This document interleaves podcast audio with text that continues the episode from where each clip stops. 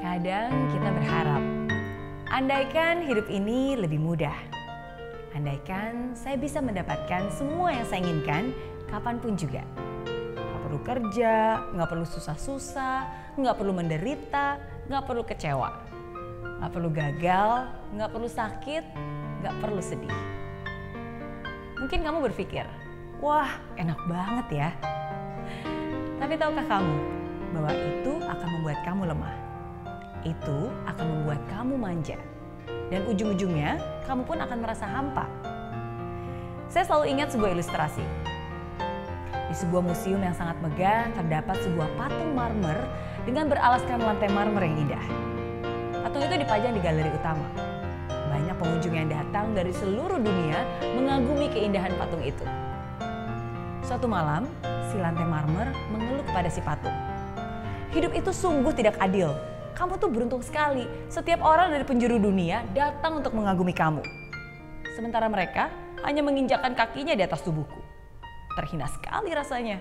Kenapa mereka bisa mengagumimu sedangkan aku selalu diinjak-injak? Hidup itu nggak adil.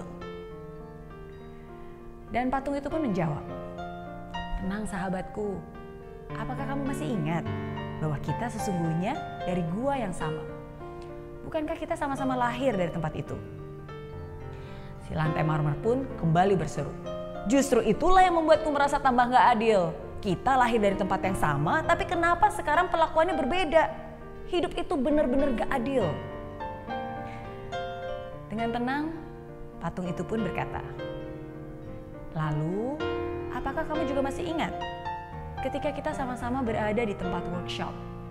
Ada seorang pematung yang datang kepadamu untuk membentukmu. Namun kamu menolak itu semua. Apakah kamu masih ingat saat kamu menolak diukir oleh pemahat itu? Iya tentu saja aku masih ingat, ujar si lantai. Aku benci banget dengan dia. Bagaimana mungkin aku bisa menerimanya? Pahat-pahat itu begitu menyakitkan. Kemudian si patung pun melanjutkan. Betul, pemahat tersebut tidak bisa membuat karyanya karena kamu menolak untuk diukir olehnya. Dan tahukah kamu sahabat, di saat kamu tidak tahan untuk dibentuk dan menyerah, akhirnya pematung itu menghampiriku dan mulai mengukirku.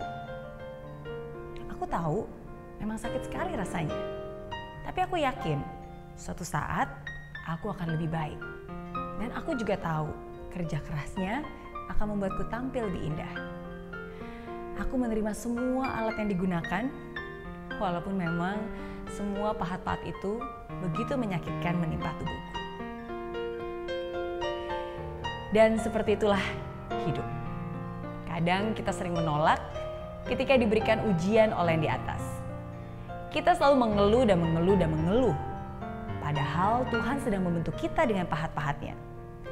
Ketika Tuhan memberikan kamu ujian yang berat, maka Tuhan yang sama yang juga akan menganugerahkanmu dengan limpahan berkat. Jadi jangan berdoa untuk hidup yang lebih mudah, tapi berdoalah agar kamu bisa lebih kuat melewati ujiannya.